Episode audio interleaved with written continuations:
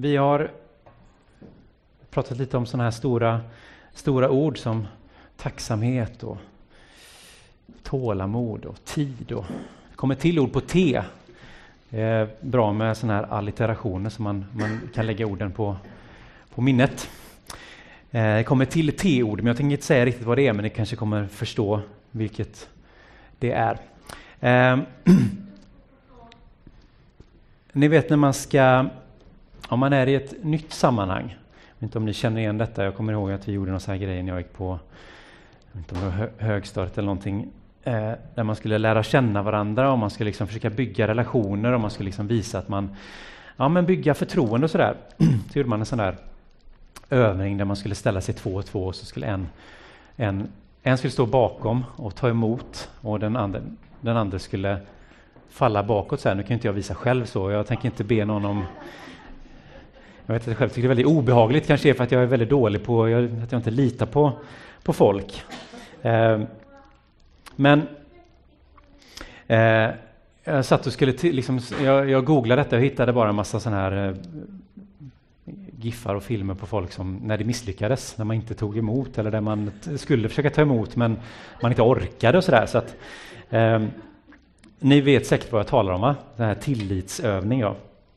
Och det är tillit är det T som, som jag kommer till vad jag ska prata om idag.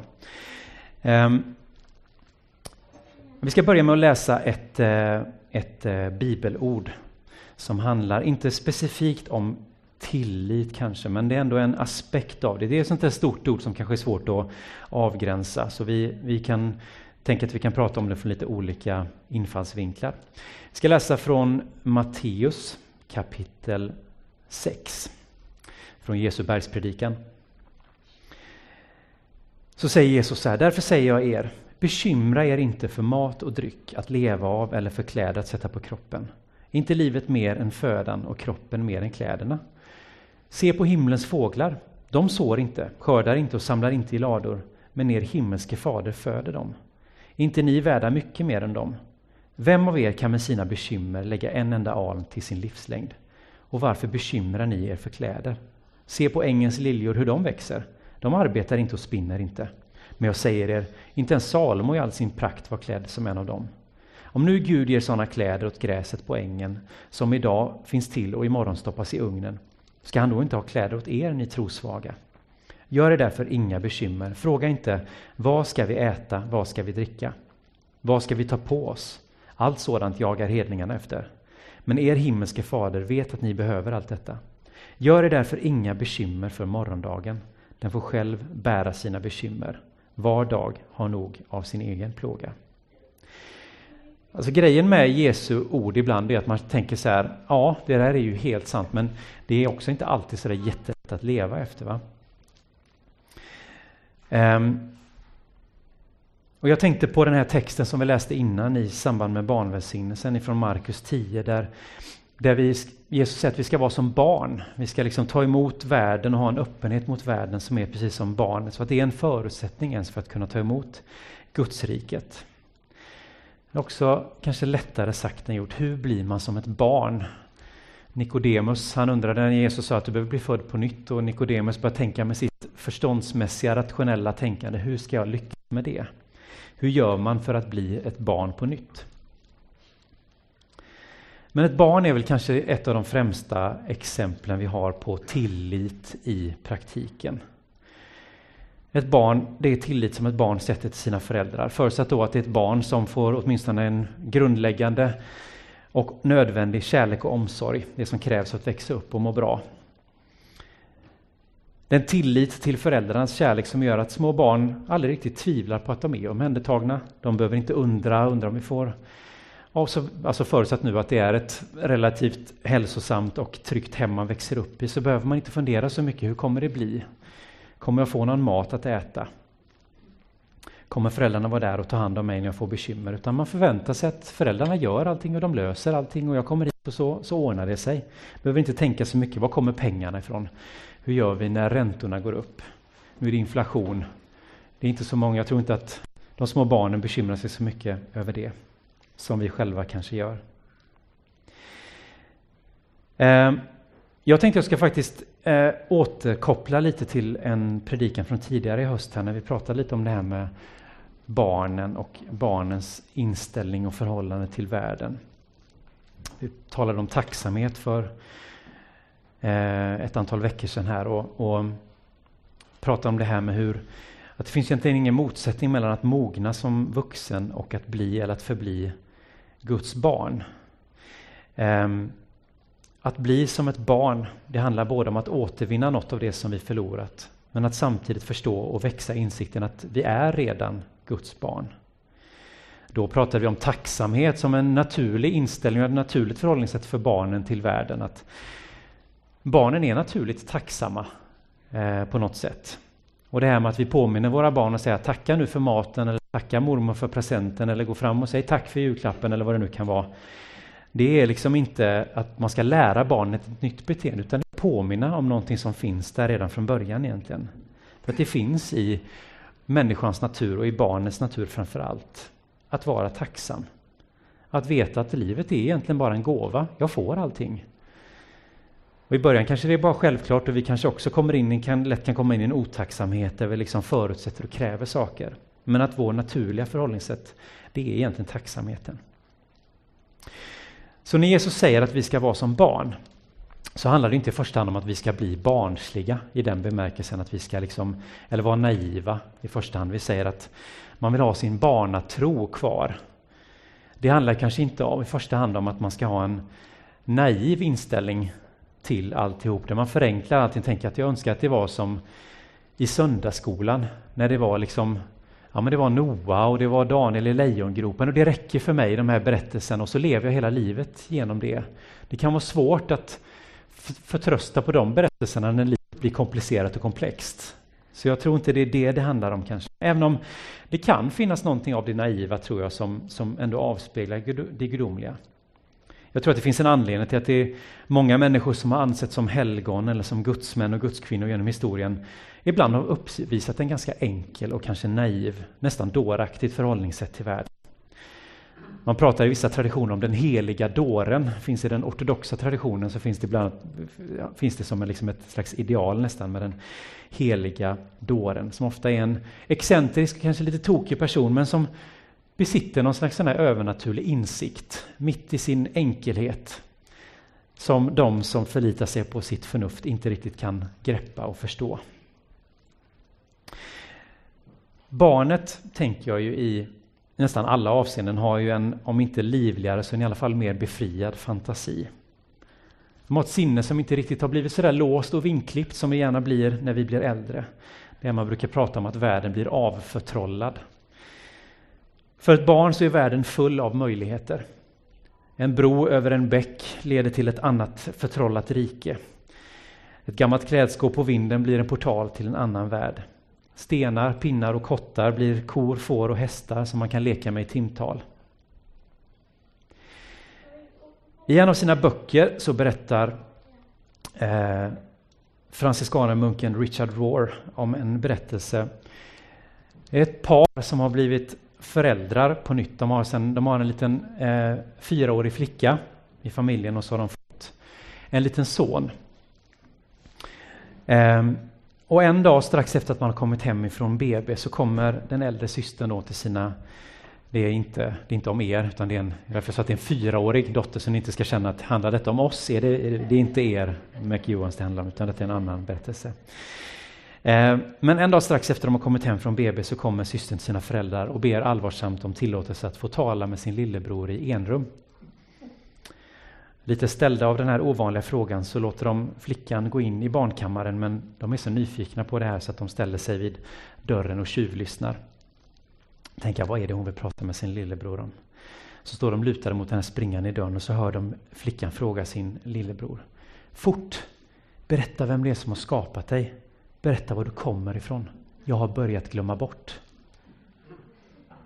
Och jag tänker att växa upp, det är ju lite vemodigt nästan när man tänker så här att en liten fyra, jag har börjat glömma bort det här. Att någonting, det är någonting i den berättelsen som, som ändå fångar någonting av det, liksom, det här gudagivna som det lilla barnet har och som man får tag på. Och som liksom sakta men säkert, man liksom, det är lite som sand mellan fingrarna rinner ur, vi kan inte liksom stoppa det här som försvinner. Och det är lite sorgligt och vemodigt men jag tänker att att bli vuxen det är ju i många avseenden en process där vi, vi tappar bort det här ursprungliga. Den här förtroliga tillvaron, tryggheten, synen på tillvaron som magisk och förtrollad. Där det synliga bara är en portal till en ännu större och rikare värld. I takt med att vi blir äldre så tar vårt förstånd och vårt rationella tänkande över. Och det är lätt att bli lite skadad av besvikelser och negativa erfarenheter. Och så börjar vi se på tillvaron med en allt växande krasshet. Vi kanske blir pessimistiska och vi, vi inser att saker och ting som är utanför vår kontroll börjar tynga oss. Fastän vi inte kan göra något åt dem. Och lätt att tänka att det är bara vi som går igenom detta. Vi känner oss ensamma i, vårt, i våra bekymmer. Och, eller att det är kanske just vi som är särskilt drabbade. Eller om inte oss själva så har vi människor i vår omgivning och tänker åh, människor får verkligen allting. Och det är naturligt att tänka så, men för att citera den amerikanska författaren Kate Bowler, att det finns ingen medicin mot att vara människa. Det drabbar oss alla. Att vara människa är att gå igenom, gå igenom sådana här erfarenheter. Det mänskliga livet för med sig en massa saker som lätt lägger sig på våra axlar som bördor. Och det där lilla barnets sorgfria tillvaro, fri från tankar på inflation och höjda räntor, kan kännas avlägset. Och vi kan längta tillbaka till en enklare tid, ett enklare och mer bekymmerslöst liv. Men på något sätt så är den här Vägen tillbaka till Edens lustgård, den är stängd. Det står keruber med brinnande svärd och hindrar oss från att återvandra till den här idylliska tillvaron som vi kanske saknar. Eller ibland kanske vi bara längtar tillbaka till en vi tänk, tänk att få leva för ett par generationer sedan. Vi lever i en värld där det är så mycket, som, det är så mycket bekymmer, det, tempot är så högt, det är så mycket distraktioner, det är så mycket som pockar på vår uppmärksamhet. Så mycket lockelser och så många budskap. Tänk det var väl ändå bättre förr. Men det går inte att backa klockan, det går inte att gå tillbaka. Men utgångspunkten måste ändå vara att vi lever i Guds goda värld. Vi är faktiskt Guds barn. Och utmaningen är då att på något sätt försöka återvinna något av det här barnets tillit, att lita på Guds omsorg och försyn mitt i allt det där som händer runt omkring oss. Jag tänkte prata lite om, en del känner till henne, annars blir det en introduktion, liten kort introduktion här om ett, en, en eh, som har kallats en av eh, kyrkans allra viktigaste teologer. Lady Julian av Norwich, som levde i England under 1300 och 1400-talet. Hon lever, under i en, lever i en väldigt turbulent tid. Ni vet, mitten av 1300-talet så är det eh, böldpesten, digerdöden, som sprider sig och utplånar stora delar av hela Europas befolkning Hon lever i efterdyning av detta. Mer än hälften av Norwich då i, i England där hon, där hon föds och växer upp, fler, mer än hälften av invånarna har dött i pesten. Och kyrkan upplever en stor splittring. Hon skulle verkligen kunna se sig omkring och ifrågasätta det mesta hon ser i världen runt omkring sig. Men så under ett par dygn år 1373, hon är i 30-årsåldern då, när hon själv ligger svårt sjuk så får hon en serie uppenbarelser som hon sedan spenderar många år med att reflektera över och sammanfatta i en bok som finns utgiven på svenska med titeln Uppenbarelser av den gudomliga kärleken. Och I de här uppenbarelserna, 16 uppenbarelser är det hon får under ett par dygn, så möter hon Jesus. En Jesus som säger till henne, bedyrar att han skulle dö igen och igen och igen för mänskligheten om det hade varit nödvändigt. Så stor är hans kärlek för oss. Och i ett stycke i den här boken så säger Jesus till henne Jag vill göra allt väl. Jag ska göra allt väl. Jag kommer att göra allt väl. Jag kan göra allt väl. Och du ska själv få se att allt ska bli väl. Eller på engelska så står det All shall be well and all shall be well and all manner of things shall be well. Den här, det här löftet om att allting kommer bli bra i slutändan. Där ligger hon och världen är bara i kaos. Vi tycker att vi lever i en kaosartad värld nu. Jag menar varje generation får ju uppleva mer eller mindre, tror jag, av hur världen vänds upp och ner. Och mitt i allt detta så får hon de här tröstrika orden från Jesus. Jag ska inte prata så länge till, men jag skulle vilja knyta an till, för i ett, i ett sammanhang så beskriver hon en insikt hon har fått där. Och hon gör det utifrån den här bilden av en mor och sitt barn. Och så säger hon så här. I allmänhet så faller vi först och inser det efteråt. Båda dera är en Guds barmhärtighet. En moder kan tillåta att hennes barn faller någon gång och för sin egen nyttas skull gör sig illa på olika sätt. Men eftersom hon älskar kan hon aldrig tillåta att hennes barn tar verklig skada. Och fastän det är möjligt att en jordisk moder skulle kunna tillåta att hennes barn dör, så kan vår himmelska moder, Jesus, aldrig tillåta att vi som är hans barn skulle dö. Han är ju allsmäktig. Han är all visdom och all kärlek, så som ingen annan är det. Välsignad vare han. Det är alltså i hans vilja att vi beter oss som ett barn, som i väl och ve allt mer förtröstansfullt litar på sin moders kärlek. Och han vill att vi med all kraft tar vår tillflykt till den heliga kyrkans tro och i henne finner vår älskade moder och där i de heligas gemenskap finner tröst och förståelse.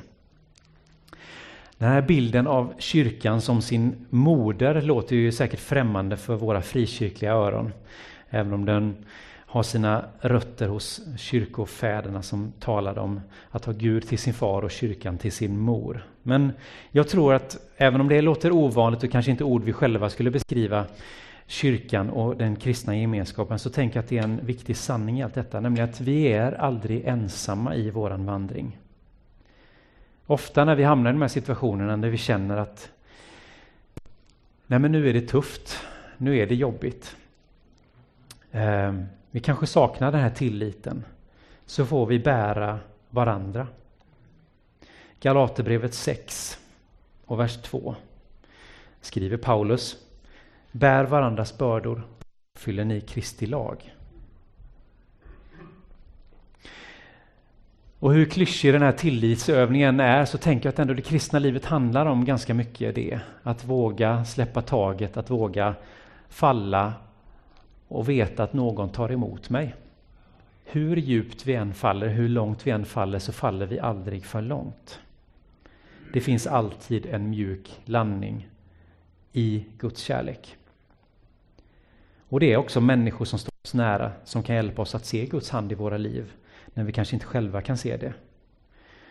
Ofta tycker vi att, att vi har gått igenom ett elände, eller vi undrar varför hände detta? Varför skulle detta just drabba mig?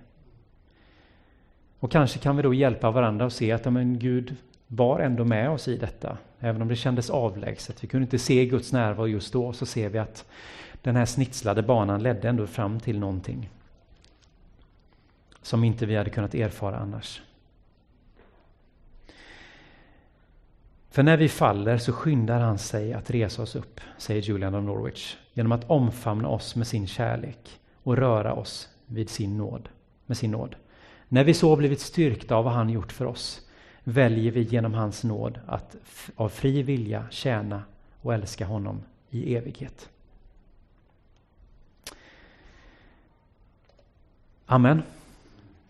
Jag rundar av där.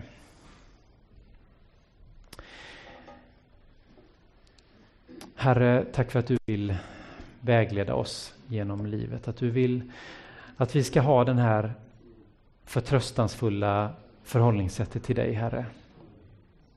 Herre, vi önskar ibland att vi kunde få återvända säkert till barnaskapets enkla tillvaro. Allting var så enkelt. Man sprang ut och lekte och kom hem till ett tillagat mål mat och allting var frid och fröjd. Men så växer vi upp och vi tappar mycket av det som gör barndomen så förtrollad till en sån värld av möjligheter. Och vi blir låsta och vi blir trängda av bekymmer och omsorger som plötsligt gör sig påminda. Men tack för att du kallar oss tillbaka till dig, Herre. Vi behöver inte bli naiva, vi behöver inte bli barnsliga bokstavligt talat. Men vi kan få en förtröstansfull tillit till dig, Herre. Veta att du bär oss, Herre. Att även när det känns mörkt, även när det känns tungt, även när det till och med känns som att du inte är där, så får vi ändå förlita oss på att du är där. Och på att även genom tuffa erfarenheter, svårigheter, så kan det finnas någonting som du vill. Du, du kan lära oss någonting av det. Du sänder inte prövningen, men du kan hjälpa oss att uthärda dem. Och du kan hjälpa oss att växa genom dem. Och tack för att du sänder människor, du sänder oss till andra människors tröst på samma sätt som du sänder människor till vår tröst. Att vi får finna tröst i den här gemenskapen också. Att vi får finnas till för varandra. Vi är inte bara en grupp människor som möts och sjunger lovsånger tillsammans och klappar varandra på axeln och önskar varandra en trevlig vecka och en eh, Guds välsignelse, utan att vi får finnas här för varandra. Bära varandras bördor när det är för tungt att bära dem själv. Ta nu hand om nattvardsstunden här, att vi verkligen får möta dig i den. Att vi får välkomnas till ditt bord. I Jesu namn. Amen.